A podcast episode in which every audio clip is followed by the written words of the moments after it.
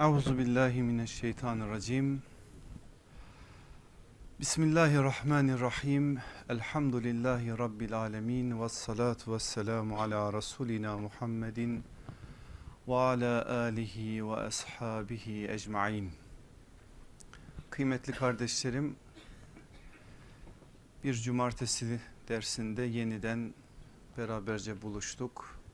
Hayırlarla inşallah olsun hayırlarla neticelensin. Hayırlarla da inşallah buradan aldığımız ruhu hayatlarımıza taşımak hepimize nasip olsun.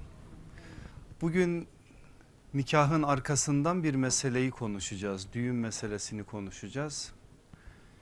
Evlilerimizin tattığı ama bir kez de evlatlarıyla çocuklarıyla belki birden daha fazla kez tadacakları bekarlarımızın ise hayallerini kurdukları bir meseleyi konuşacağız.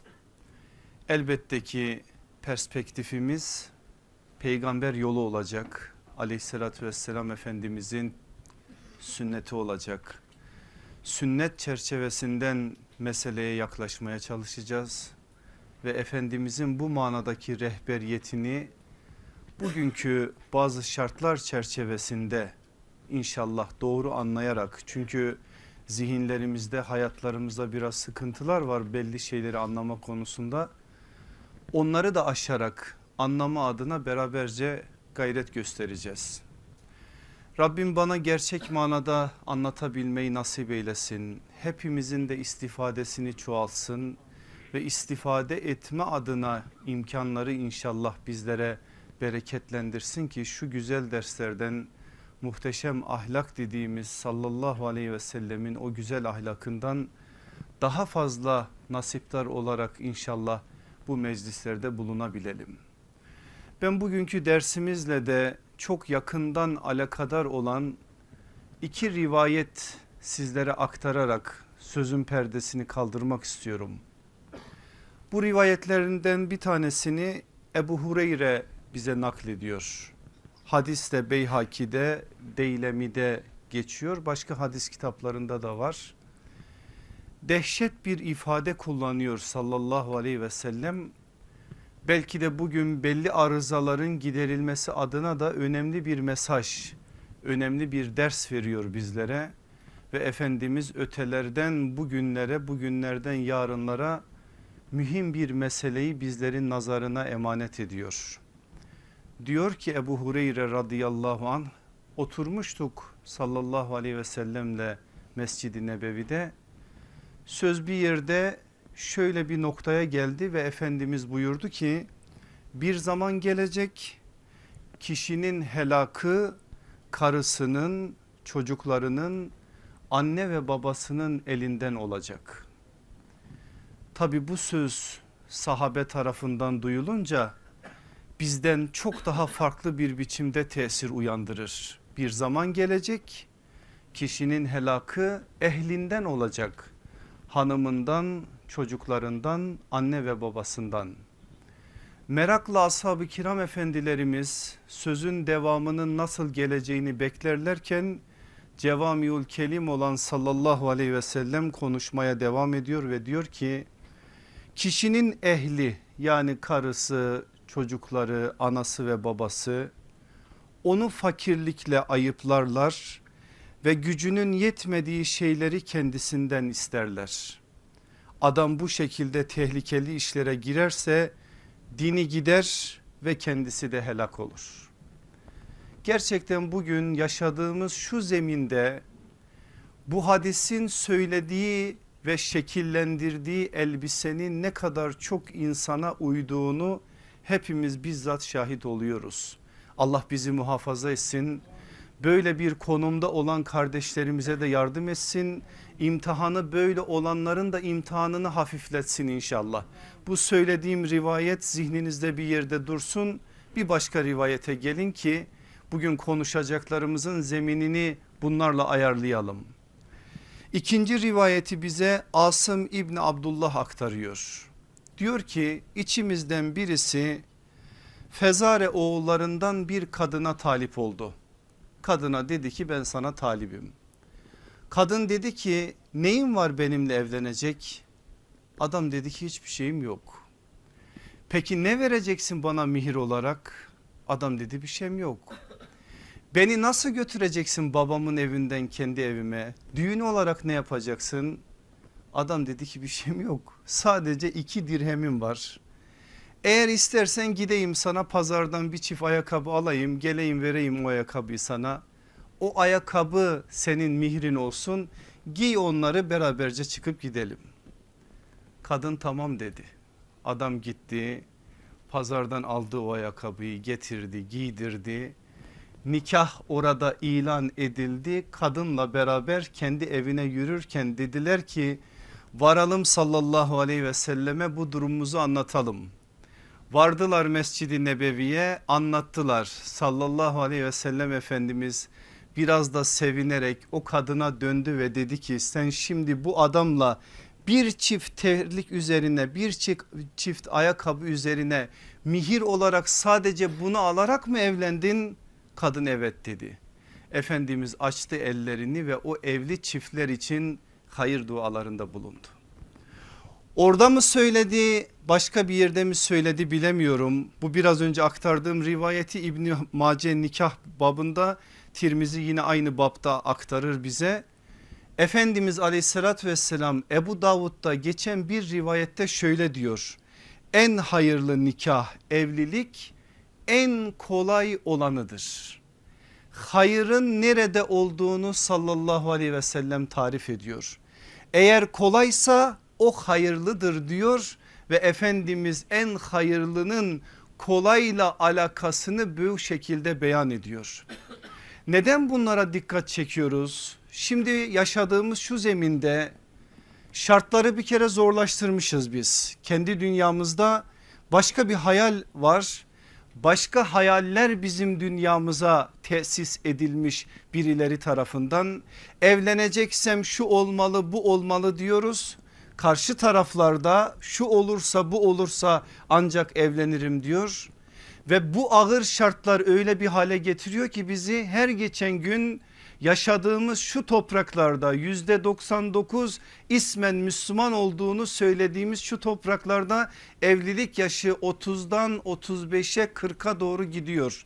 Ve şu anda 30'un altında evlilik yaşı bu memlekette bile artık sayısı azalmış bir biçimde konuşulan bir mesele olarak gündemimizde duruyor. E bu kadar ağırlaştırırsak bu kadar şartları kendi dünyamızda kendi hayatlarımızda ağırlaştırırsak elbette gün gelir bunun altında kalırız. Onun için de ne yapıyoruz? Evlenmeyi düşünmüyoruz. Evliliği hayatın çok sonralarına atarak çok sonraymış bir mesele gibi algılıyoruz. Böyle olunca da şeytan boş durmuyor. Hayatlarımıza başka bir biçimde müdahale ediyor ve ne yazık ki ifsad ediyor toplumu. Ekinlerin ve nesillerin ifsadı bu şekliyle şeytan ve yandaşları tarafından işlettiriliyor. İşte onlar her ne kadar bu meselede evsizliğe ve nikahsızlığa çağrıda bulunurlarsa bulunsunlar.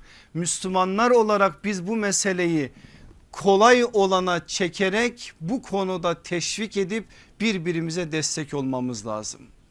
Bu iki rivayetin bugün size aktaracağım düğün meselesiyle de yakından bir bağı var zihinlerinizde bir yerde dursun. Aziz kardeşlerim düğün kelimesi eski Türkçe bir kelimedir. Kökeninin tok kün ya da tok gün olduğu söylenir. Anlamı ise büyükçe kalabalık toplulukların beraberce yemek yemesidir. Düğün kelimesinin Arapçadaki karşılığı ferahdır. Ferah sevinç demektir, mutluluk demektir, neşe demektir. Düğün de böyle ifade edilir zaten onun için o kelime ile düğün karşılanmıştır. Biz Arapçada ferah kelimesiyle beraber velime kelimesini de çok duyarız. Velime de zaten düğün yemeği demektir. Hükmüne ait imamlarımız farklı farklı şeyler söyler. Hanefi mezhebine göre sünnet-i müekkededir. Efendimiz aleyhissalatü vesselamın bazı tavsiyelerinden hatta emir niteliğindeki bazı sözlerden yola çıkarak başka mezhep imamlarımıza göre vaciptir velimenin hükmü. Dolayısıyla düğünün önemli bir meselesi olarak karşımızda duruyor. Şöyle bir cümle söylesem meramımı ifade edebilirim. Geçen dersle bu dersi birleştirerek sünnete göre evliliğin en önemli meselesi nikah, düğünün en önemli meselesi ise velimedir. Ve velime meselesinin düğünde nerede durduğunu biraz sonra size söyleyeceğim. Şimdi biz düğün meselesine yavaş yavaş girerken bir başka yerden meseleye doğru yürümek istiyorum. Şimdiye kadar epey sizler de başka kardeşlerimiz de sünnete uygun bir düğün nasıl olur? Neler doğru neler yanlış konusunda epey sorular sormuşlardır bana. Ben de bir miktarını zihnimde saklamışımdır. O anda da bazı cevaplar vermişimdir. Bu derse hazırlanırken bana mail yoluyla gelen soruları şöyle bir toparladım. Dedim ki ne soruyor ki millet? Ben ona göre bu meseleyi biraz şekillendireyim. Baktım epey bir soru var. Mesela onlardan birkaç tanesini söyleyeyim. Düğün camide mi olmalı, salonda mı olmalı? Müzik çalınmalı mı, çalınmamalı mı? Oyun oynanmalı mı, oynanmamalı mı? Kadınlar arasında eğlence, erkekler arasında eğlence olmalı mı, olmamalı mı? Gelinlik giyilmeli mi giyilmemeli mi gelin arabası süslenmeli mi süslenmemeli mi belki size garip gelebilir ama millet soruyor bunları. Davetiye basılmalı mı basılmamalı mı düğünde Kur'an okunmalı konuşma yapılmalı mı okunmamalı yapılmamalı mı takı merasimi olmalı mı olmamalı mı kadınlar kendi aralarında başı açık durmalı mı durmamalı mı fotoğraf çektirmeli mi çektirmemeli mi ila ahir. Şimdi ben bu soruları birer birer size cevaplayacak değilim. Çünkü bu sorular biraz sorunlu sorulardır. Biraz da tuzak sorulardır. Şöyle birine cevap verdiğiniz zaman bir soru başka bir soruyu arkada getirir. Bir şey söylediğinizde başka biri başka bir pencere açar. Oradan başka bir soru sorar ona cevap verirsiniz o başka bir şey sorar derken ardı arkası kesilmez. Hal böyle olunca biz bu sorularla uğraşmamalıyız. Temele inmeliyiz zemine inmeliyiz ve zeminde işi halletmeliyiz. Meselenin ilkesel bazda ilkelerini ilkelerini konuşarak bir şeyi netleştirmeliyiz. İslami bir düğün düğünün sünnete uygun bir düğünün genel ilkeleri nedir? Sallallahu aleyhi ve sellem bu konuda bize neler söylemiştir? Ya da şöyle soruyu düzeltelim ki daha da zihinlerimizde iyi dursun. Sünnete uygun bir düğünde neler olmalı? Sünnete uygun olmayan bir düğünde neler olmamalı? Neler olmalı? Neler olmamalı sorusuna cevap verelim sünnete uygun bir düğünde neler olmalı? Beş şey nedir onlar? İhlas olmalı, ilan olmalı, ikram olmalı, ihtiram olmalı, ihsan olmalı. Beş şeyi de şimdi açıklayacağım ama bir kez daha tekrar edeyim. İhlas, ilan, ikram, ihtiram, ihsan. Peki sünnete uygun bir düğünde neler olmamalı? Onun da cevabı beş tanedir. İhtilat olmamalı. İsraf olmamalı. İfşa olmamalı. İhmal olmamalı. İtidalsizlik olmamalı. Bunu da tekrar edelim. İhtilat, israf, ifşa, ihmal ve itidalsizlik. Şimdi gelin birer birer biraz anlayalım bunları. Birincisi sünnete muvafık sünnete uygun bir düğünde olması gereken ilk temel husus ihlastır. İhlas temelde olacak olmazsa eğer yerinde ne olur? İhlas olmadığı zaman yerinde olacak kavram bellidir ve bugün ocağımızı batıran bir kavramdır o. Nedir o? Riyadır. Riya zaten hayatlarımızı kapsamış bizim. Birbirimize riya telkin ediyoruz farkında olmadan.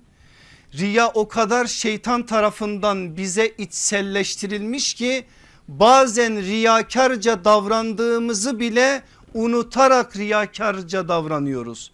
Bu sözüm ne anlama gelir bilmem ama size havale ediyorum. Riyakarca davranma adına bu konuda ciddi sıkıntılarımız var.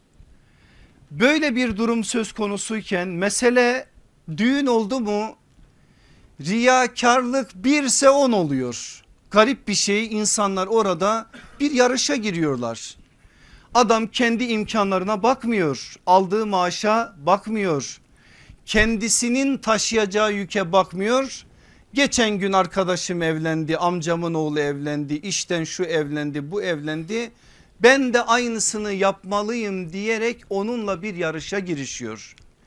Ve çok değil düğünden 2-3 ay sonra Allah Resulü aleyhissalatü vesselamın biraz önce hadiste beyan buyurduğu o helak meselesi başlıyor. Ne yapacak borcu ödemek için? Girecek faizin altına ödeyemeyecek katlanacak ne olacak? Şeytan da o fırsatı bekliyor daha evliliğin ilk aylarında huzursuzluğu sokacak içeriye. Ama sen ayağını yorganına göre uzatsaydın ama sen imkanların ne kadarsa o kadarına uygun bir biçimde düğün yapsaydın ama sen riyakarca davranmasaydın el nedir kaygısından ziyade Allah nedir kaygısını düşünseydin sen en azından biraz önce yine örneğini verdiğim ferazali kadın gibi davranırdın. İmkanların bu kadar der bu kadarla yetinir ve kendine saadet adına başka imkanlar açardın.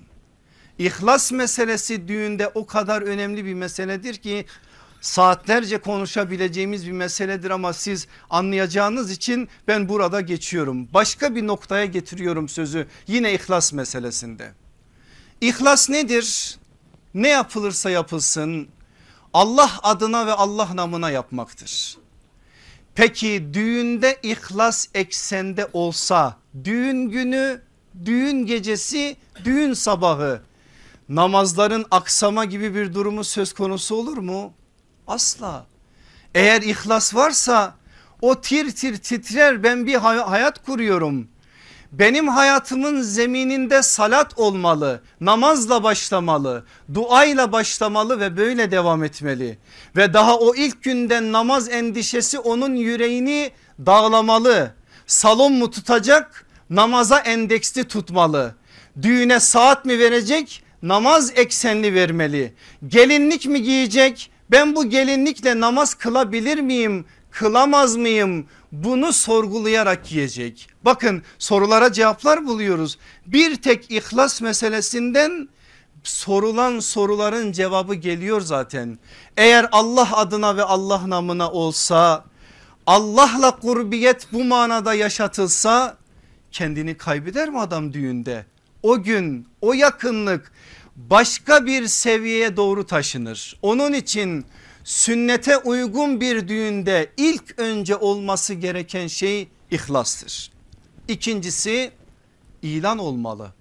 Sallallahu aleyhi ve sellem nikahın ilan edilmesini ısrarla bize söyledi. Ve nikahı ilan edin diye açık emirde bize bulundu. Gizli nikah olmayacağını geçen ders size söyledim. Ve bize dedi ki nikaha çağrıldığınız zaman icabet ediniz. Beni bu hadisler çok sarstı. Ben de kaytarıyorum bazen çağrıldığım yere bazen imkanlar olmayınca gitmiyorum. Böyle bir anda sarsıldım. Bakın Müslim'de geçen bir hadiste Efendimiz ne diyor? Her kim çağrıldığı bir davete icabet etmezse gerçekten o Allah ve Resulüne isyan etmiş olur. Dehşet bir şey. Sünnet dediğimiz iş bu işte. Sana yol gösteriyor yöntem öğretiyor. Kafana göre değer veremezsin diyor. O değeri ben veririm diyor. Allah ve Resulü olarak ben o tebliğ eden talim eden olarak Allah'tan aldığım vahyi içselleştirerek bu konuda söylenecekleri ben söylerim diyor sallallahu aleyhi ve sellem. Devamı var hadisin. Oruçlu olsa bile icabet eder ve orada duada bulunur. Diyelim ki oruçlu gitti davete icabet eder ve orada dua, duada bulunur. Eğer oruçlu değilse yer ve davet sahibine dua eder. Eğer özürsüz olarak o yemekten yemez ise günahkar olur ve cefa etmiş olur. Neden bu uyarılar? Kibirli davranıp o sofrada oturmazsa onun için bu uyarılar. Biliyorsunuz Efendimiz aleyhissalatü vesselam başka hadislerde de bir davete nafile oruçla giden bir insanın davet sahibi tarafından eğer ısrar edilirse o orucunu bozacağına dair de ruhsat vermiştir. Bunlar da yine o davete aslında hürmetten kaynaklanır. Efendimiz aleyhissalatü vesselam böyle uyarılarda bulunuyor. Şimdi ben burada bir parantez açsam kendimi işin içine dahil etsem bir şey söylesem bilmem beni yadırgar mısınız? Onun için bizi fazla sıkıntıya sokmamanız adına çağırmasanız hayra girersiniz. Ama çağırırsanız ne yapalım hukuk gereği bazen geliriz. Gelme adına da gayret ederiz bundan sonra biraz daha fazla. Ama bilin ki inanın ki gelmezsek ihmalkarlık değil Allah da biliyor. Bunu o konuda Cenab-ı Hak affetsin bizi başka bir şey de söylemek aklıma gelmiyor. Enes bin Malik başka bir rivayet aktarıyor bize. Oturduk diyor sallallahu aleyhi ve sellemle beraber oturuyoruz. Bir de baktık ki uzaktan biraz bize doğru gelen bir kalabalık var. Yaklaştıkları zaman anladık ki Medineli kadınlar çocuklar bir düğünden dönüyorlar. Efendimiz aleyhissalatü vesselam birden sevindi ayağa kalktı. Koşa koşa o düğünden gelen kadınların ve çocukların önüne çıktı ve dedi ki Vallahi siz bana şu an insanların en sevimlisisiniz. Neden diye sorduk sahabe kendi kendimize.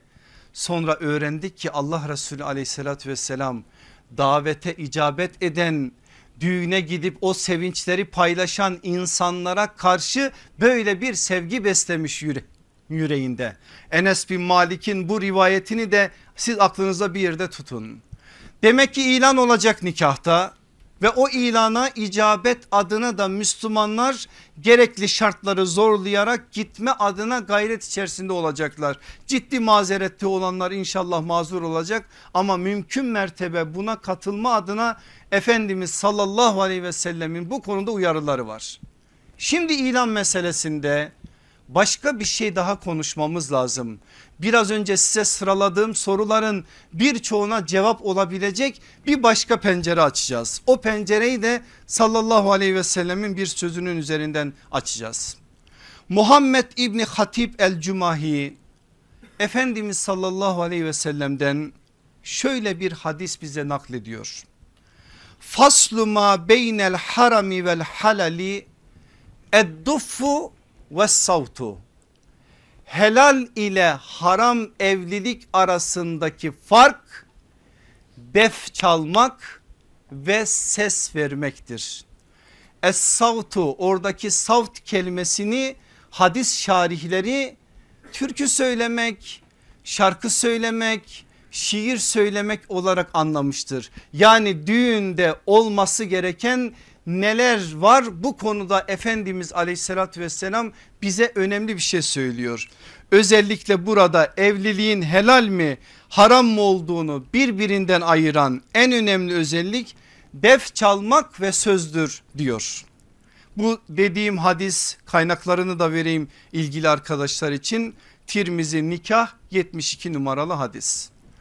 Ayşe anamız yine buna benzer bir hadisi bize naklediyor. Diyor ki sallallahu aleyhi ve sellem dedi ki düğünlerinizi mescit gibi halka açık yerlerde yapın ve düğünlerinizde def çalın.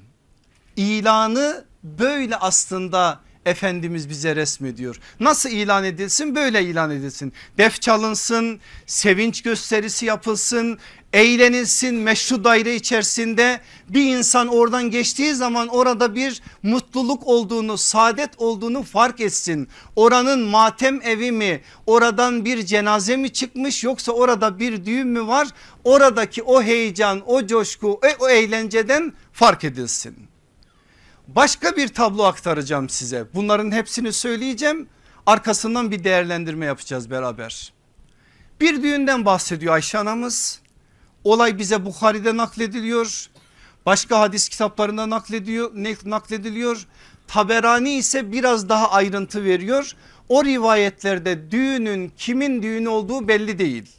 Ancak biraz daha başka rivayetlerle beraber okuduğumuz zaman biz düğünün kimin düğünü olduğunu anlıyoruz. Düğün kimin düğünü biliyor musunuz? Esat İbni Zürare'nin kızı Habibe'nin düğünü. Sehel İbni Hüneyf ile evlenmiş daha doğrusu sallallahu aleyhi ve sellem evlendirmiş. Biliyorsunuz Esat o büyük insan o saadetli insan o başımızın tacı olan insan o Medine'nin altında imzası olan o büyük insan o medeniyet dediğimiz büyük yürüyüşün altında altı tane imzanın sahiplerinden birinin sahibi olan Esat o büyük insan vefat edeceği sırada üç tane kızını sallallahu aleyhi ve selleme emanet etti. Efendimiz aleyhissalatü vesselam da o üç kızı kendi öz kızlarından ayırmadı. Düğünlerinde ilgilendi onları bizzat kendisi kocaya verdi. Gerekli ne varsa hepsini bir baba gibi yaptı sallallahu aleyhi ve sellem.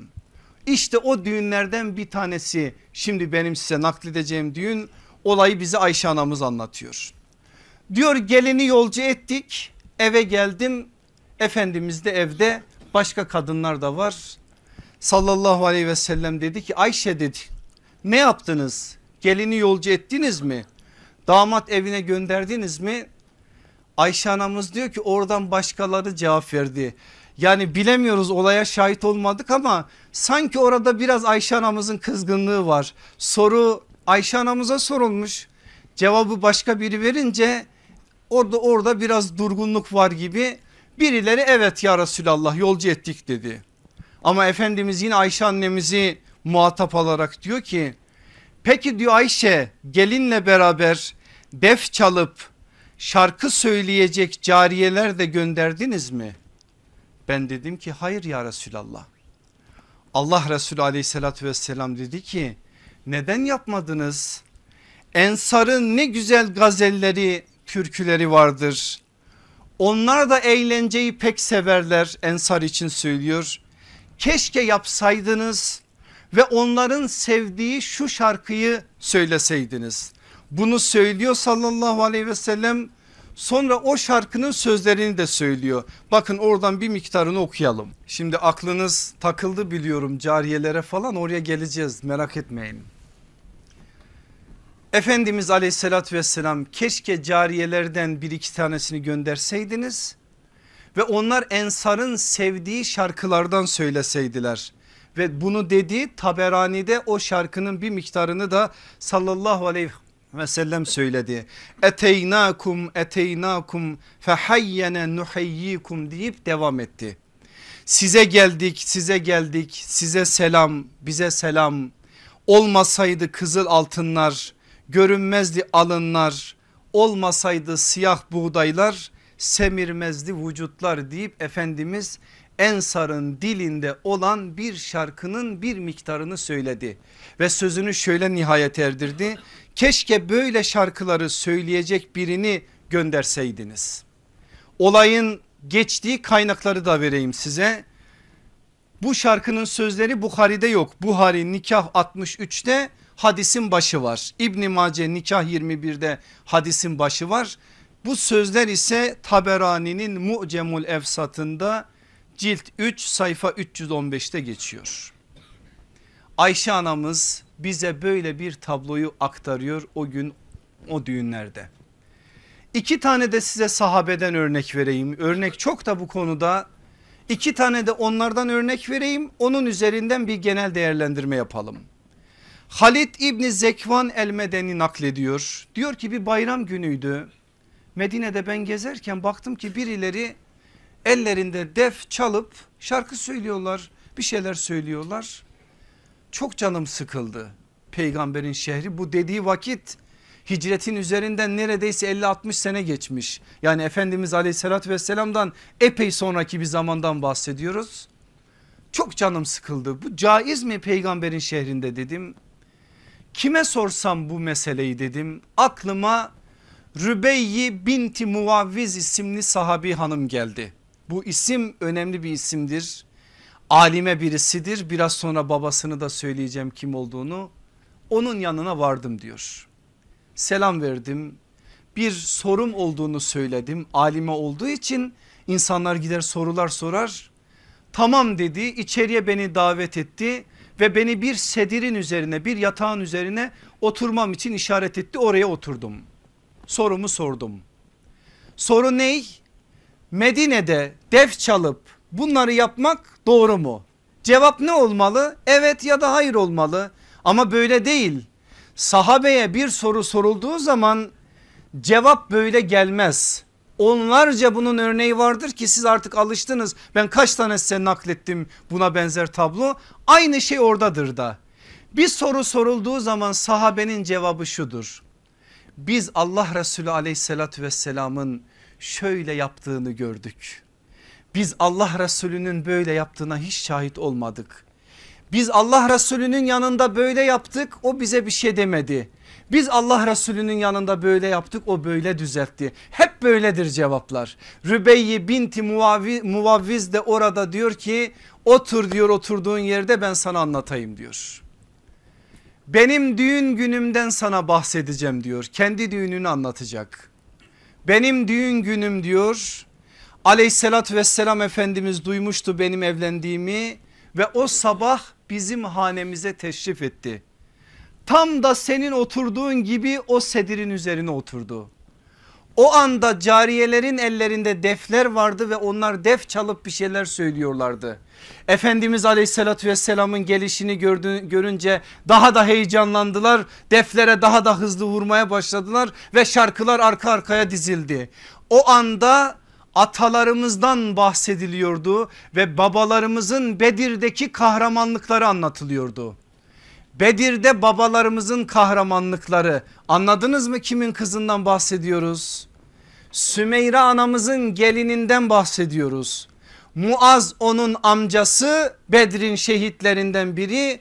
Muavviz onun babası Bedrin gazisi Uhud'un şehidi olan o büyük insan ve Rübeyyi de onun kızı hepsinden Allah ebeden razı olsun. Diyor o anda Bedir şehitleriyle alakalı bir şeyler söylerlerken bir anda o kadınlardan birisi o cariyelerden birisi dedi ki ne mutlu bize ki içimizde yarın ne olacağını bilen Allah'ın peygamberi var. Yarın ne olacağını bilen Allah'ın peygamberi var. O anda sallallahu aleyhi ve sellem müdahale etti.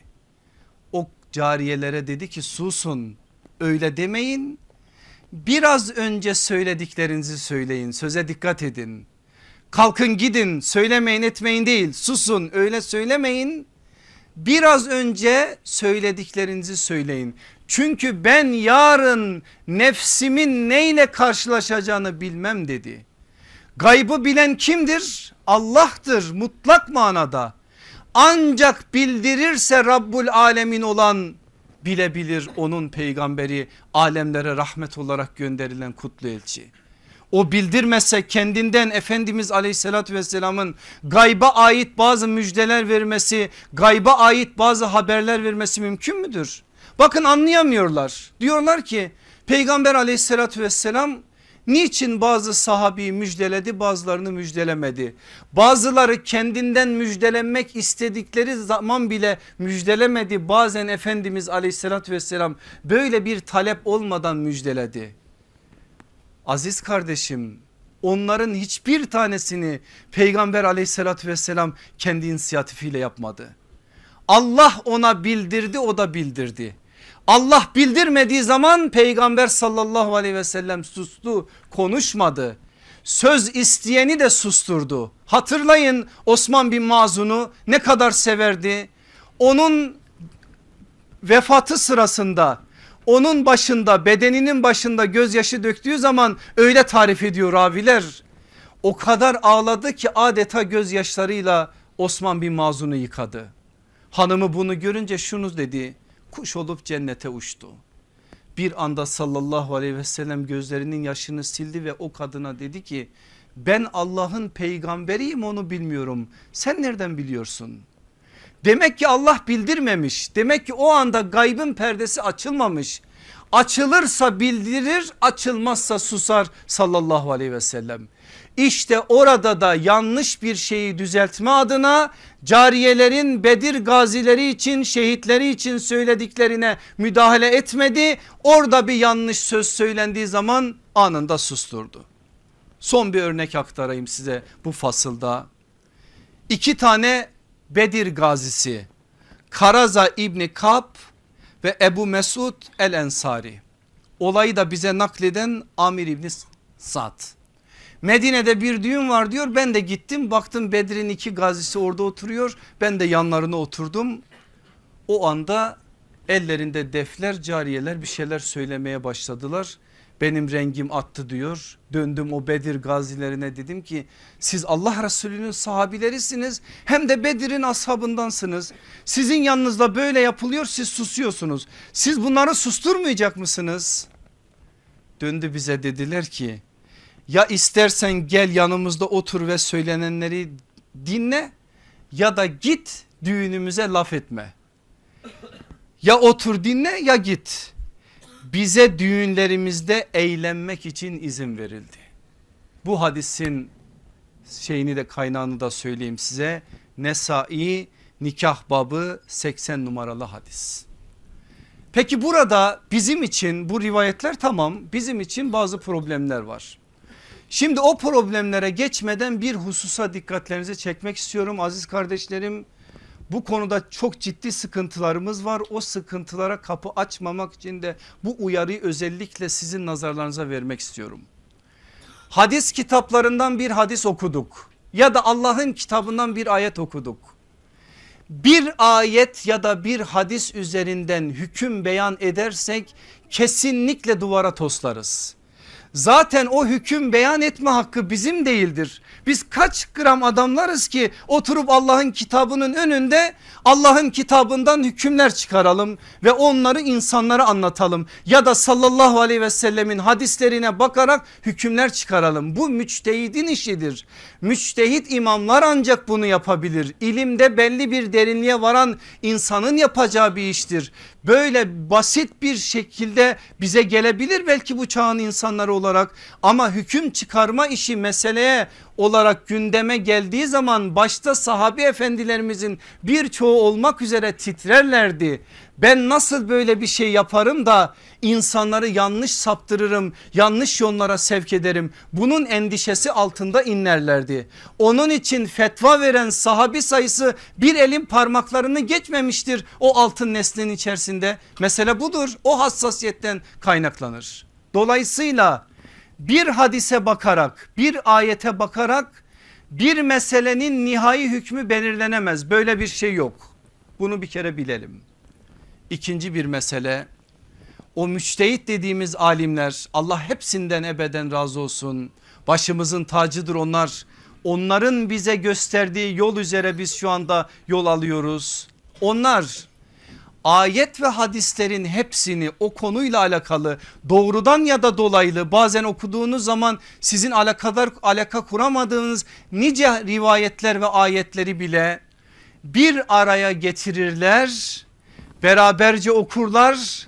23 yıllık peygamberlik sürecinde hangisi başta hangisi sonda hangisi en sonda bunu tespit ederler sallallahu aleyhi ve sellemin dünyasında olan amellerde eğer ihtilaf varsa yani zenginlik varsa Efendimizin hayatında var olan o zenginliklerin en çoklarının hangileri olduğunu tespit ederler ondan sonra hüküm çıkarırlar.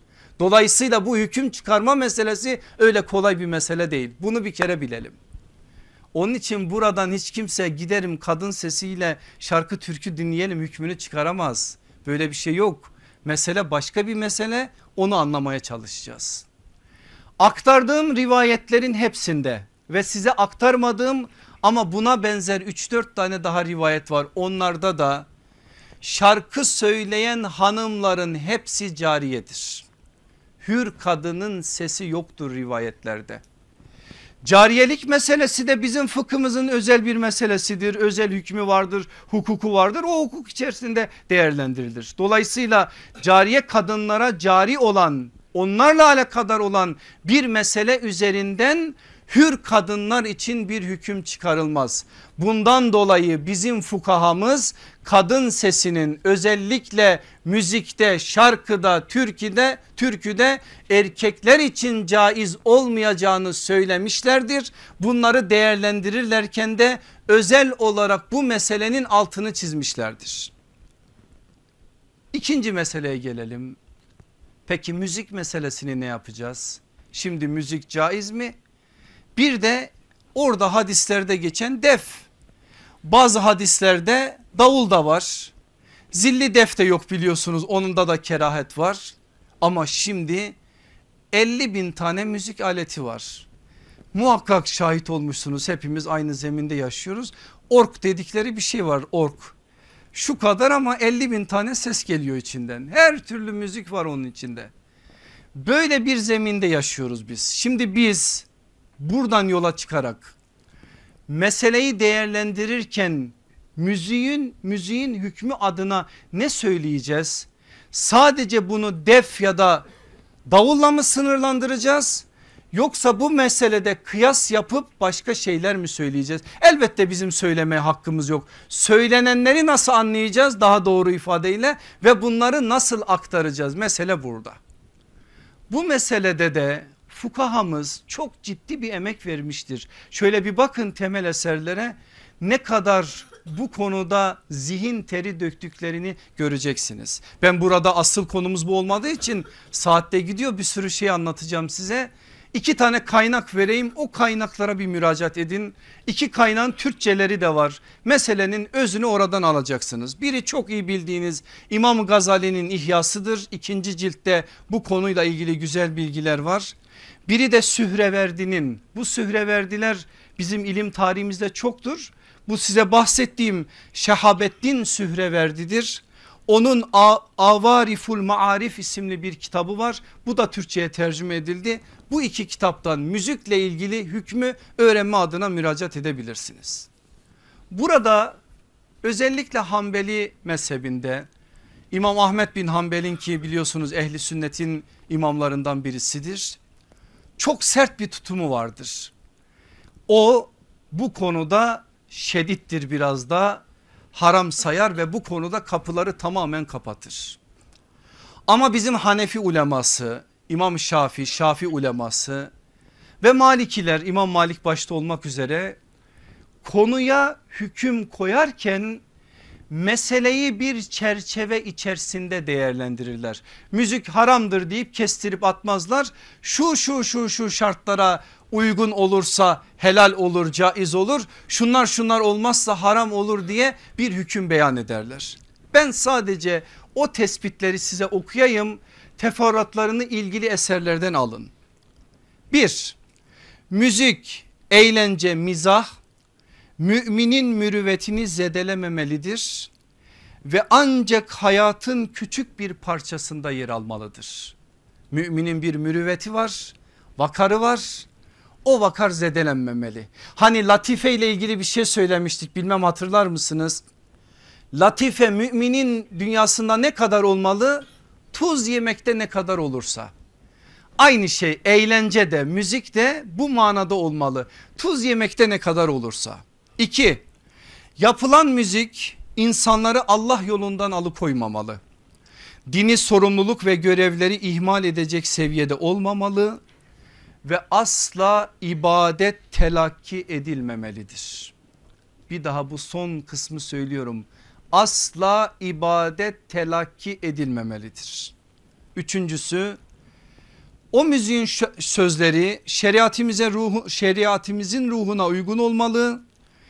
Dini değerlerimizi alay konusu etmemeli ve önemli bir husus olduğu için özellikle dikkat çektim asla kadere dil uzatmamalıdır. İşte adam diziyor felek diyor gözün çıksın bilmem ne olsun kader şöyle olsun böyle olsun.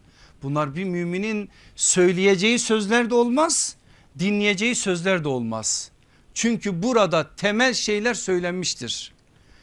Dördüncüsü müziğin söz veya icrasında yalan, iftira, zinaya teşvik, sırları ifşa etmek, haramları ve günahları basitleştirmek gibi dinimizce yasaklanan hususlar yer almamalıdır. Beşincisi insanlar arasında düşmanlığı, kötü duyguları, nefsani arzuları arttırmamalı. Dini ya da dünyevi istifadelerden tamamen uzak bir şekilde faydasız şeylerle meşgul etmemelidir. Ne diyor aslında ulema? Ulema diyor ki bırakın bu, işleri. Bunu söylüyor bu kadar beş tane şartı zaten siz dikkate alsanız hayatınızda müzik gerçekten yemekteki tuz kadar olacaktır. Ama bu konuda belli şeyler söylenerek çerçeve ortaya verilir ki bu konuda olması gereken en itidalli tavır olmalı. Şimdi ilan olmalı bahsinde bakın bunların hepsini konuşmuş olduk. Üçüncüsü ikram olmalı.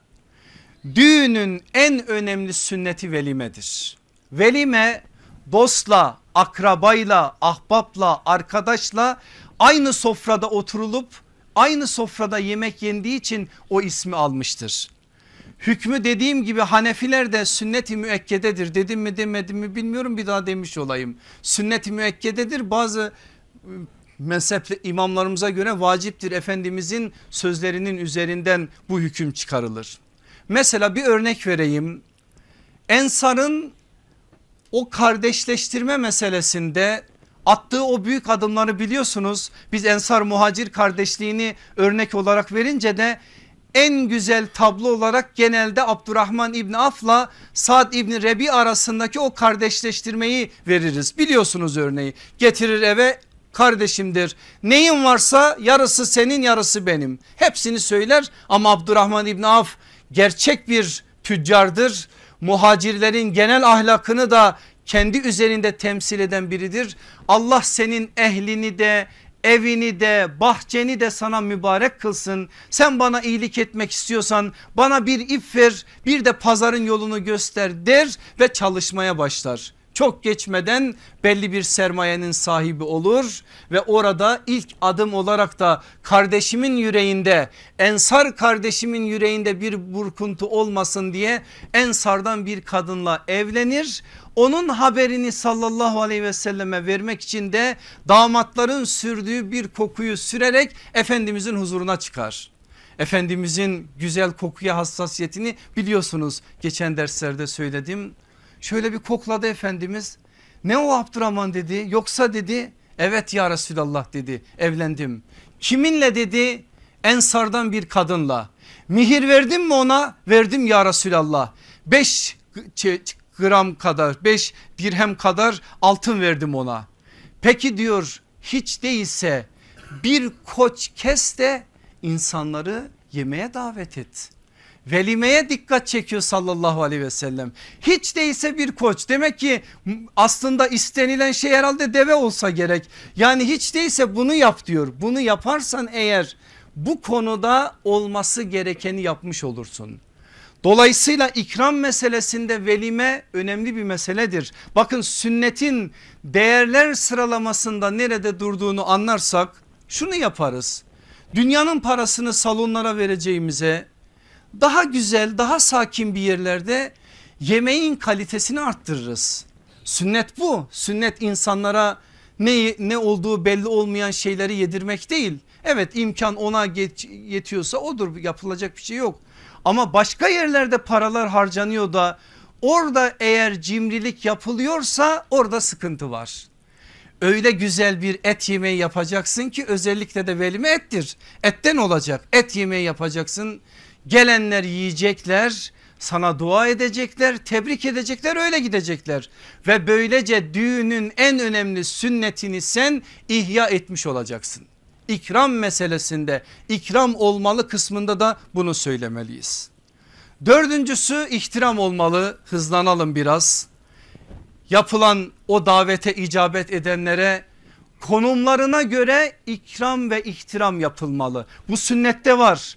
Eğer gelen bir kabilenin lideri ya da reisi ise ona biraz daha farklı yer verilir. Bunu gördüğünüz zaman yadırgamayın. Sallallahu aleyhi ve sellem de kendisi için istemezdi ama Sad bin Muaz içeriye girdiği zaman kalkın derdi kalkın sizin reisiniz efendiniz geldi der insanları onun önünde ayağa kaldırırdı ve onu getirir en baş köşeye oturttururdu. Bir kabile lideri geldiği zaman Efendimiz bunu yapardı. Bunlar sünnete muhalif değil bunlar olmalı.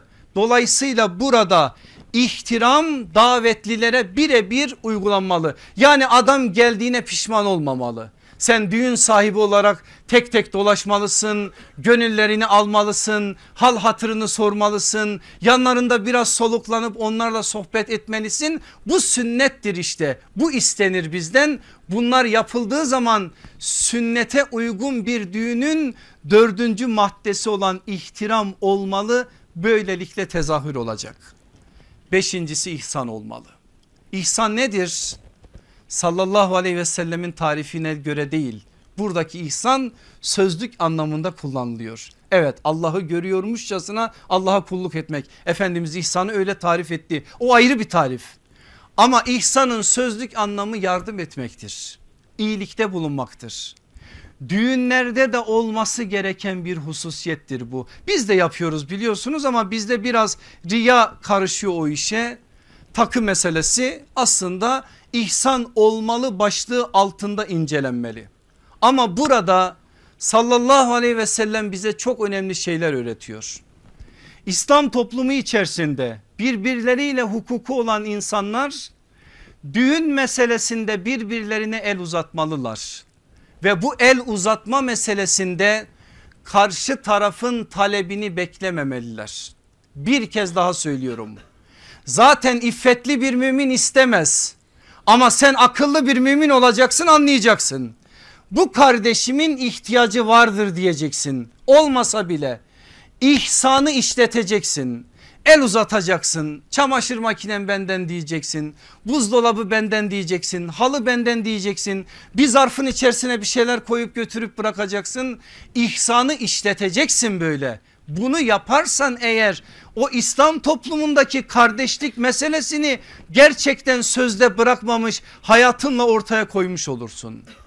Aleyhissalatü vesselam Efendimizin dünyasında örnekler var ama beni en fazla şu etkiliyor. Mesela Efendimiz Hatice anamızla evleneceği sırada Hazreti Ebu Bekir daha nübüvvetten kaç yıl önce dikkat buyurun o adımı atmıştır.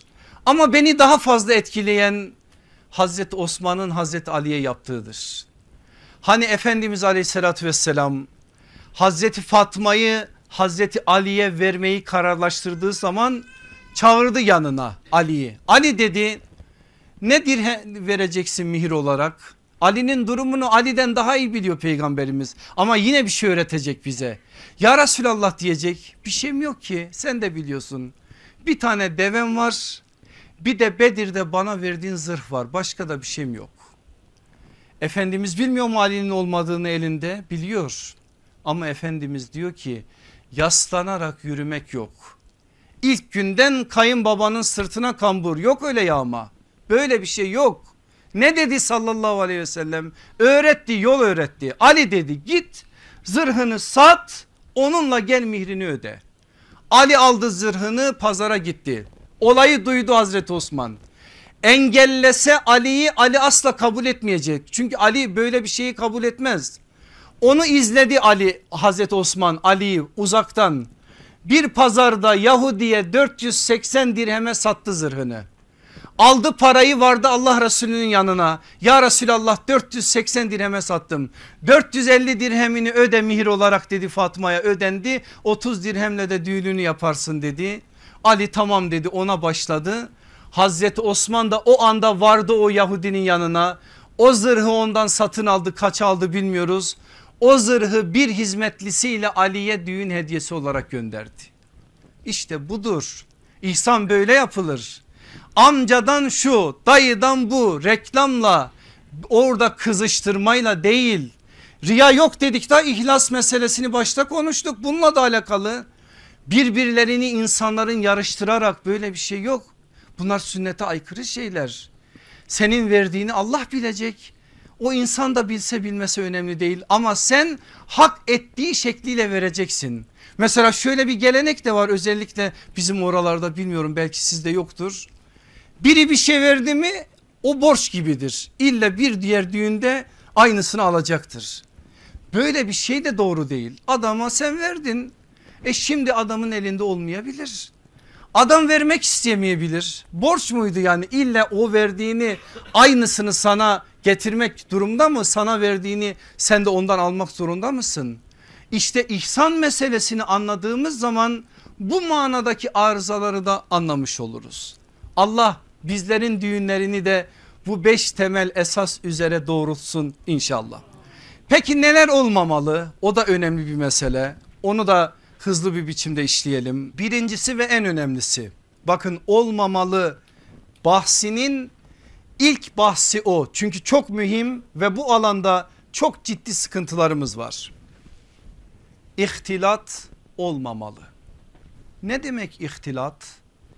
Hadis ilminde bir bahistir ama hadis ilmiyle alakalı değil. Şimdi yine İhsan sözünde olduğu gibi kelime anlamı üzerinden konuşuyoruz kadın erkeğin birbirine karışması, mahremiyetin zedelenmesi, hudutların yani sınırların çiğnenmesi. Bu mesele üzülerek söyleyelim ki şu anda kendisini İslami duyarlılık noktasında gören insanların bile artık belli bir süreçten sonra dikkat etmedikleri bir meseleye dönüştü. Düğün oldu mu milletin duyguları coşuyor Dün kendisi kızdığı, bağırdığı, çağırdığı işleri düğünde kendisi yapıyor. Allah bizim başımıza getirmesin. Ben kendimden de korkuyorum şimdi. Yani zor bir mesele şu zeminde bunları koruyabilmek gerçekten zor ama olması gereken bir şey. Orada en önemli mesele budur. İhtilat olmamalı. Kadınlar erkekler birbirlerinin içine girmemeli. Mahremiyet korunmalı. Akrabalık meselesi evet doğru ama o akrabalık meselesinin de bir hukuku var. Senin nikahın düşecek olanlar var düşmeyecek olanlar var. Amcan sana ebediyen har haram kız için söylüyorum amcanın oğluyla evlenebilirsin. İşte Hazreti Ali ile Hazreti Fatma'yı konuşuyoruz. Dayın sana haram ama dayının oğluyla dayının kızıyla teyzenin oğluyla teyzenin kızıyla halanın oğluyla halanın kızıyla evlenebilirsin. Bu konuda söylenenler söylenmiştir. Artık biz belli şeyleri kendi dünyamıza inandığımız gibi yaşamadığımız için yaşadığımız gibi inanma adına bir noktaya kaydırıyoruz. Ve bu haremlik selamlık meselesinde ihtilat meselesinde her geçen gün açılan perde daha da mesafesi arttırarak devam ediyor. Bu konuda gerekli olan hassasiyeti göstermek zorundayız ve bu konuda insanımıza, akrabalarımıza, yakınlarımıza bunu hissettirmek zorundayız. Arkadaş sen buna riayet edersen ben gelebilirim. Eğer etmezsen kusura bakma. Küsüyor musun? Allah sana selametlik versin. Küsersen küs ben ne yapayım? Allah küsmesin benden. Allah'ın hatırı ali kalsın. Senin hatırın olacak diye ben gelip o harama ortak olamam. Orada bulunamam. Eğer sen kendin yapamıyorsan bu konuda hassas olan insanları da çağırma düğününe. Niye çağırıp insanları da sıkıntıya sokuyorsun? Ama yaparsan eğer baş göz üstüne o davete icabet etmek sorumluluktur. Ne de olduğunu söyledik hüküm olarak gelmek durumundayız. Dolayısıyla ihtilat meselesi mühim bir mesele olarak karşımızda duruyor. Ve olmamalı ki sünnete uygun bir düğün olsun düğünümüz diye en baş madde olarak bizim gündemimizde de duruyor. İkincisi israf olmamalı. Bu konuda da çok ciddi dertlerimiz var değil mi? Ya ne olacak? Sanki kaç kez evleniyoruz ki bir kez evleneceğiz. Bir kez bir kez bir kez diyoruz işte şeytan da o bir kezi seviyor. Bir ayağını kaydırdı mı ondan sonra sana arkasından getiriyor getirecekleri şeyleri. İsraf meselesinde de bir kez diye israf adına bir şey yapamazsın. Bakın size bir hadis şimdi aktaracağım. Abdullah İbni Mesud bize naklediyor. Velime meselesinin hükmünü söyledim. Efendimiz aleyhissalatü vesselamın bu konudaki teşvikini de söyledim. Ama sallallahu aleyhi ve sellem velimede bile israf olmaması gerektiğini söylüyor. Düğünde ilk gün verilen yemek gereklidir. İkinci gün verilen yemek sünnettir yani mübahtır üçüncü gün verilen yemek ise gösterişten ibarettir. Sallallahu aleyhi ve sellem söylüyor. Ve diyor ki her kim bu dünyada düğün yemeğinde gösteriş yaparsa Allah da ona kıyamet günü gösteriş yapmasına karşılıkta bulunur. Bu da yine Tirmizi hadisidir. Nikah babının on numaralı hadisi. Gösteriş olsun diye yapamazsın. israf edemezsin. Hakkın yok buna. Her şeyi ölçülü yapmak durumundasın. Çünkü senin iman ettiğin o kitap yani başımızın tacı olan Kur'an'ımız israf edenlere bir kelime kullanıyor ki o kelimeyi başka kimseye kullanmıyor. Ne diyor? Şeytanların kardeşleri. Çok dehşet bir ifade. İsra suresinin 26. ve 27. ayetlerde yine ikramdan bahsediyor. Bir de akrabaya, yoksula, yolcuya hakkını ver. Gereksiz yere de saçıp savurma. Çünkü amaçsız yere saçıp savuranlar ihvane şeyatin şeytanların kardeşleridir. Şeytan ise Rabbine karşı çok nankördür. Böyle bir ilahi buyruk, böyle bir ilahi emir karşımızda duruyorsa biz nasıl israf meselesinde başka şeyler düşünürüz? İsraf deyince sadece meseleyi malda da anlamayın. Zaman israfı israf değil mi? Duyguların israfı, öfkenin israfı hepsi israf meselesidir. Ben mesela anlamıyorum belki bana bu manada geri kafalı hoca diyebilirsiniz deseniz de benim çok fazla beni şey yapmaz üzmez bu kelime. Yani bir insanın bir düğün için hayatının belli bir bölümünü diyelim ki 3 ayını 5 ayını 6 ayını meşgul etmesini ben inanın anlayamıyorum. Bir gelinlik almak için bir damatlık almak için bir insanın günlerce mağaza mağaza dolaşacağını da ben anlayamıyorum. Anlayamıyorum dedim ya geri kafalı hoca işte. Bu kadar derdimiz varken ümmetin bu kadar sıkıntıları varken bizim kendimizin bu kadar problemi varken bu tarz meselelere bu kadar zaman ayırabilmeyi ben anlayamıyorum. Dolayısıyla bunlar da israf başlığı altında incelenmeli. İsraf deyince dediğim gibi sadece malda sınırlandırılmamalı. Şimdi size bir tane tablo aktarayım. Arkamızdaki dağ olan Ebu Ayyub El Ensari'den 3 yıl önce bu rivayeti bir başka bahis yaparken bir başka mesele araştırırken gözüme çarptı. Yazdım bir yere kaldırdım. O zaman da bakmıştım Ebu Eyyub El Ensari'ye şimdi de baktım odamdan. Dedim ki kendi kendime sen kızdın Abdullah İbni Ömer'e Abdullah İbni Ömer'e kızdığı bir tabloyu aktaracağım size. Sen bizi görsen kim bilir bize ne derdin? Ne yapmış ki Abdullah İbni Ömer? İsraf ettin diye düğününü terk ettin. Olay gerçekten ders verecek bir olay ve gerçekten bizim şu anda kaldıracağımız bir olay değil. Ama bir ufuk olsun diye aktaracağım size. Hadiseyi yine bize hadis kitaplarımız naklediyor. Taberani'nin Mucemul Kebir'inde geçen olayı da bize Abdullah İbni Ömer'in oğlu olan Salim bin Abdullah aktarıyor. Bir düğün diyor artık kimin babasının da düğünü olabilir kardeşlerinden birinin de düğünü olabilir. Bir düğün diyor babam da diyor güzel bir biçimde evin avlusunu donattı. Şöyle halılardan birkaç tanesini de duvara astı ki duvarın çirkin gözü, görüntüsü güzel gözüksün. Ve o anda hayatta olan sahabileri de o davete davet etti o düğüne geldiler. Ebu Eyyub El Ensari de geldi Allah kendisinden ebeden razı olsun. Gelir gelmez gözü o halılara takıldı. Duvarda bir iki tane halı o duvardaki çirkinliği kapatsın diye asılmış. Abdullah diyor bu ne böyle? Biz diyor o halıları altımıza sermeye bile bulamıyoruz. Sen kalkmış o halıları süs olsun diye duvarlara asmışsın. Diyor ki bunları dediği zaman ben şöyle gözümün ucuyla bir babama baktım. Olayı anlatan Salim bin Abdullah. Babam kıpkırmızı kesilmiş başı da şöyle önünde hiçbir şey söylemiyor. Ben anladım ki çok utandı. İstehya ebi diyor. Babam çok utandı.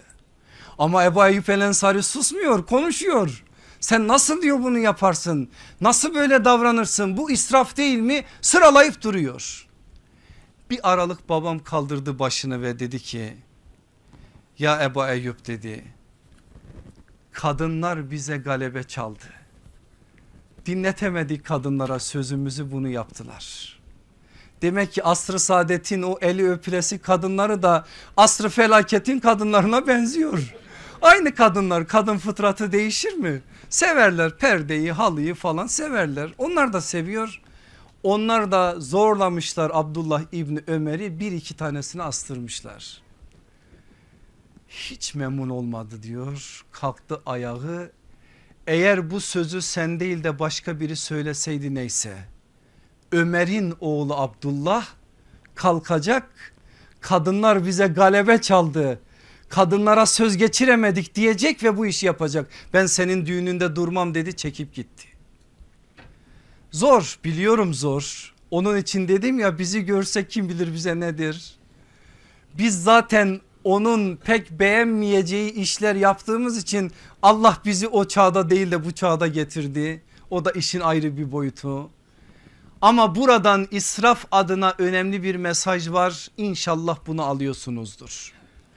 İnanın bu konuda ciddi sıkıntılarımız var. Her alanda israf bizi perişan etmiş vaziyette. Bunu belli bir çerçeve altına alma adına sünnete muvafık düğünler yapma noktasında hayatımıza taşımak durumundayız. Rabbim kolaylaştırsın. Üçüncüsü ifşa olmamalı. Ne demek ifşa olmamalı? Bu da düğünlerde hep karşılaştığımız durumlardan bir tanesi. Ben ifşa olmamalı meselesinde anlayabileceğiniz iki alan söyleyeyim ama siz başka alanlara da açın bunu. Mesela bunlardan bir tanesi.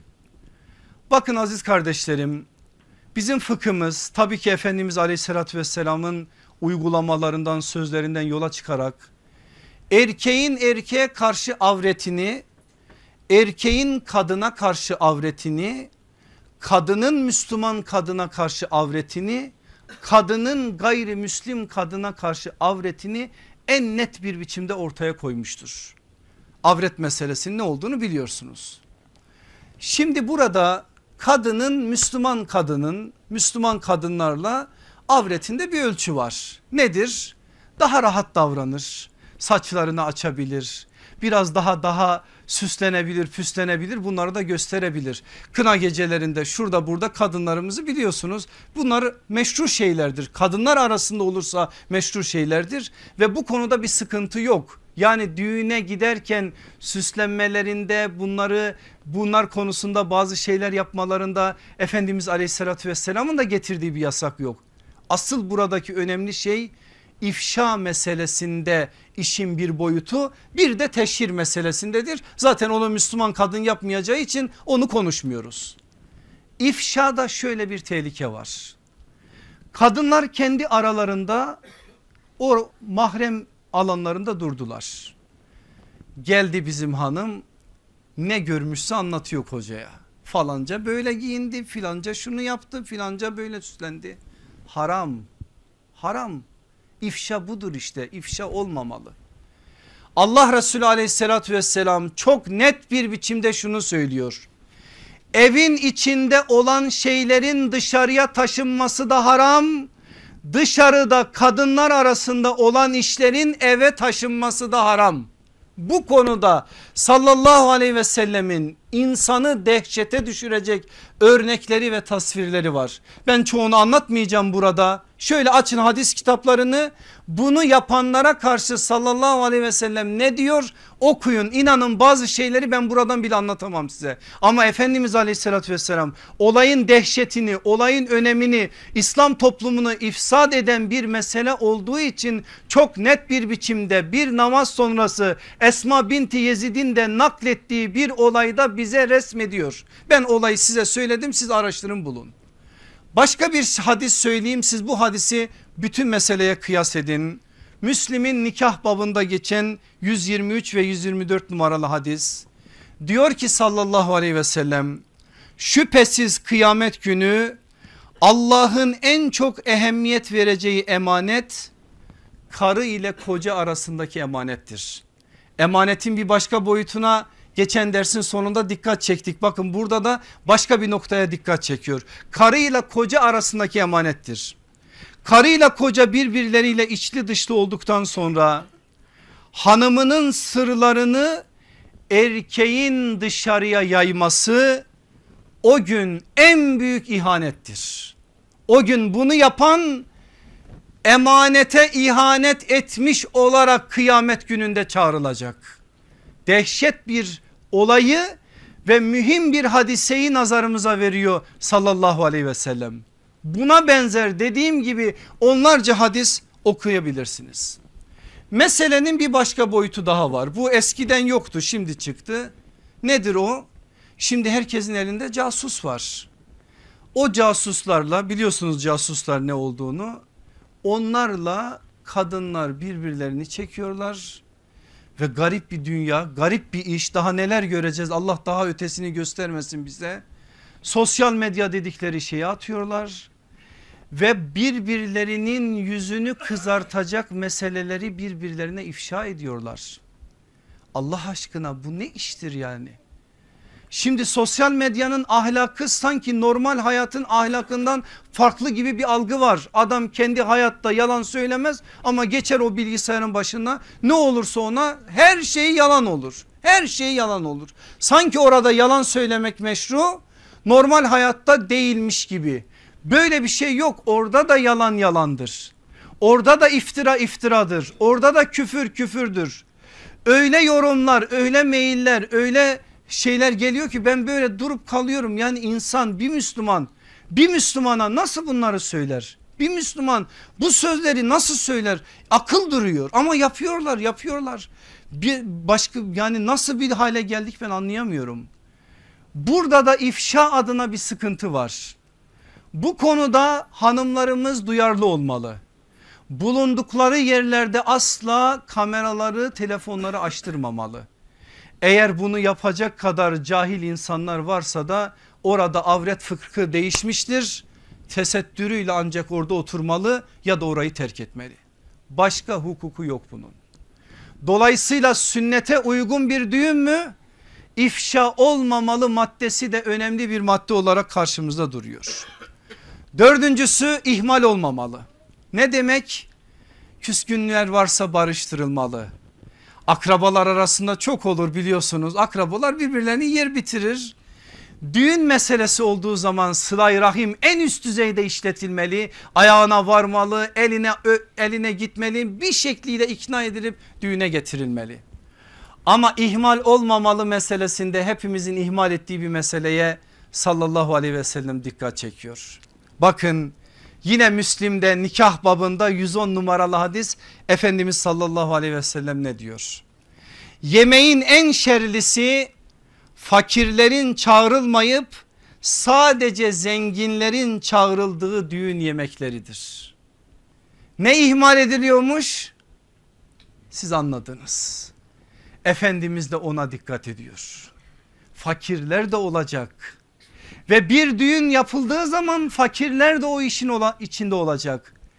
Düğünde çocuklara dağıttığınız o paralar bile sünnetin içinde değerlendirilecek bir şeydir. Sevindireceksiniz onları. Öyle boş sarf atma var mı? Kimse dedi onu yapacaksınız. Atacaksınız onları da sevindireceksiniz. Mahallenin fakirlerini davet edeceksiniz. Özellikle onlar gelsin diye gayret edeceksiniz.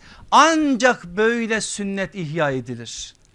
Allah Resulü aleyhissalatü vesselam da buna dikkat çekiyor. O davet adabı başka bir adab bilmiyorum ilerleyen derslerde özel bir ders yapar mıyız? Ama zaman ilerliyor ben fazlaca uzatmayayım bu konuyu. Beşincisi de itidalsizlik olmamalı.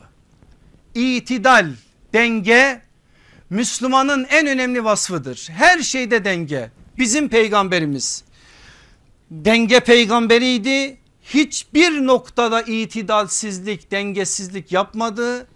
Bizim de ona ümmet olma adına iddiamızı ancak denge adına ortaya koyduğumuz adımlarla ortaya koyabiliriz. Düğünde sevincin dengesi yok. Düğünde duygular coşmuş duyguların dengesi yok. Düğünde eğlencenin dengesi yok. Gece olmuş saat bir bir buçuk konvoy geliyor hasta mı var yaşlı mı var bu mahallede ne var gecenin o saatinde herkesin eli kornada sonuna kadar kornalar çalınarak o mahalleye giriliyor. Allah aşkına bu manada Efendimiz aleyhissalatü vesselamın yaptığı uyarıları biz duysak ve anlasak bunu yapmaya hakkımız var mı? Sevin ama saatinde sevin. Sevin ama itidalli sevin dengeli yap. Bu konuda çok şey söylenir de ben bir pencere açayım bizim hocalarımıza beni de içine katarak bir şey söyleyeyim sözümü ona göre toparlayayım. Şimdi İslami düğün dediğimiz yani sünnete uygun düğün dediğimiz zaman aklımıza bize bizim aklımıza gelen şekil şu. Güzel sesli bir hafız gelecek, iyi bir Kur'an okuyacak 15-20 dakika. Sonra da kallavi bir hoca artık o neyse yani forslu bir hoca çıkacak. Artık Allah ne verdiyse konuşacak konuşacak. Cemaatte ne Kur'an'ı dinleyecek ne hocayı dinleyecek. Zulümdür bu. Vallahi zulümdür. Kur'an'a da zulümdür. O hocaya da zulümdür. O sözlere de zulümdür. Eğer sünneti bilen bir hocaysa şunu bilir. Düğünde en fazla iki dakika konuşur. Hadi bilemediniz beş dakika olsun. Altı dakikası yok bunun. Çünkü orada ondan sonra sözler israf olur. Eğer bir insan biliyorsa sallallahu aleyhi ve sellemin Ebu Davud'da geçen kaybolup giden sözler vardır hadisini düğünde yarım saat konuşamaz. Hakkı yok konuşmaya. Bir başlar hocamız nikahtan başlar talaktan çıkar söz ondan sonra oy vermenin haram olmasına gelir. Nasıl geldiyse düğünde oraya sonra tağut tağut der şimdi biri anlattı diye benim aklımda Hoca bağırıyor tavut tavut diyor zavallı hacı amca da bilmiyor diyor ki bu niye tavuk tavuk deyip bağırıyor. Bunlar yaşanmış şeyler bunlar bizim acılarımız her sözün bir makamın makali vardır. Sen yerinden edersen zulmedersin. Allah Resulü aleyhissalatü vesselamın hutbeleriyle ilgili bir çalışma var elimizde. Benim öğrenci kardeşlerim biliyorlar. Düğünde de yaptığı konuşmalar var. Bir bakın Allah aşkına şimdi tercüme edilecek göreceksiniz. 2-3 cümledir bu kadar. Sallallahu aleyhi ve sellem saatlerce konuşmamıştır.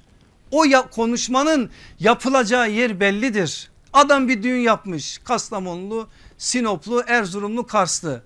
Akrabalar gelmiş yıllardır birbirini görmeyen dostlar hepsi toplanmışlar. Ya bir beş dakika rahat bırak millet birbiriyle konuşsun muhabbet etsin, sohbet etsin, halini ahvalini sorsun, derdi varsa anlasın, insanlar birbirleriyle ilgilensin. Nedir sen almışsın mikrofonu eline talaktan nikahtan dem vuruyorsun. Olmaz böyle bir şey yanlış bir şey. İşte itidalsizliğin bir başka boyutu. Allah hepimizi muhafaza etsin. Ben de itidalsizlik yapmayayım burada bitireyim. Aslında bir konum daha var ama konu zaman geçti. Evliliğin ilk aylarını o önemli bir bahis onu da bir dahaki haftaya inşallah havale edelim. Sallallahu aleyhi ve sellemin düğünleri tebrik ederken kullandığı bir cümle var bir dua aslında. Yani Efendimizin işte düğünlerde yaptığı konuşma bu. Ne diyor biliyor musunuz Efendimiz? Barekallahu lekuma ve bareke aleykuma ve cema'a beynekuma fil hayr. Allah sizin ikinizin o evliliğini o nikahını bereketli kılsın. Bereketi üzerinizde daim etsin ve sizin aranızı hayırlarla birleştirsin. İşte konuşursa Cevamiül Kelim böyle konuşur. Bir cümleyle aslında düğün nedir? Nikah nedir? Evlilik nedir? Ne bundan maksattır maksat nasıl bunda gözetilir hepsini kurban olduğumuz sallallahu aleyhi ve sellem bize söylemiş oldu. Allah hepimizin üzerine bereketini daim etsin. Evlilerimizin evlerini şen etsin. Evlilerimizin evlerine saadet ve mutluluk versin. Bekarlarımıza da bir an önce artık aminler yükselecek ama bir an önce inşallah salih ve saliha eşler nasip etsin. Velhamdülillahi Rabbil Alemin. El Fatiha.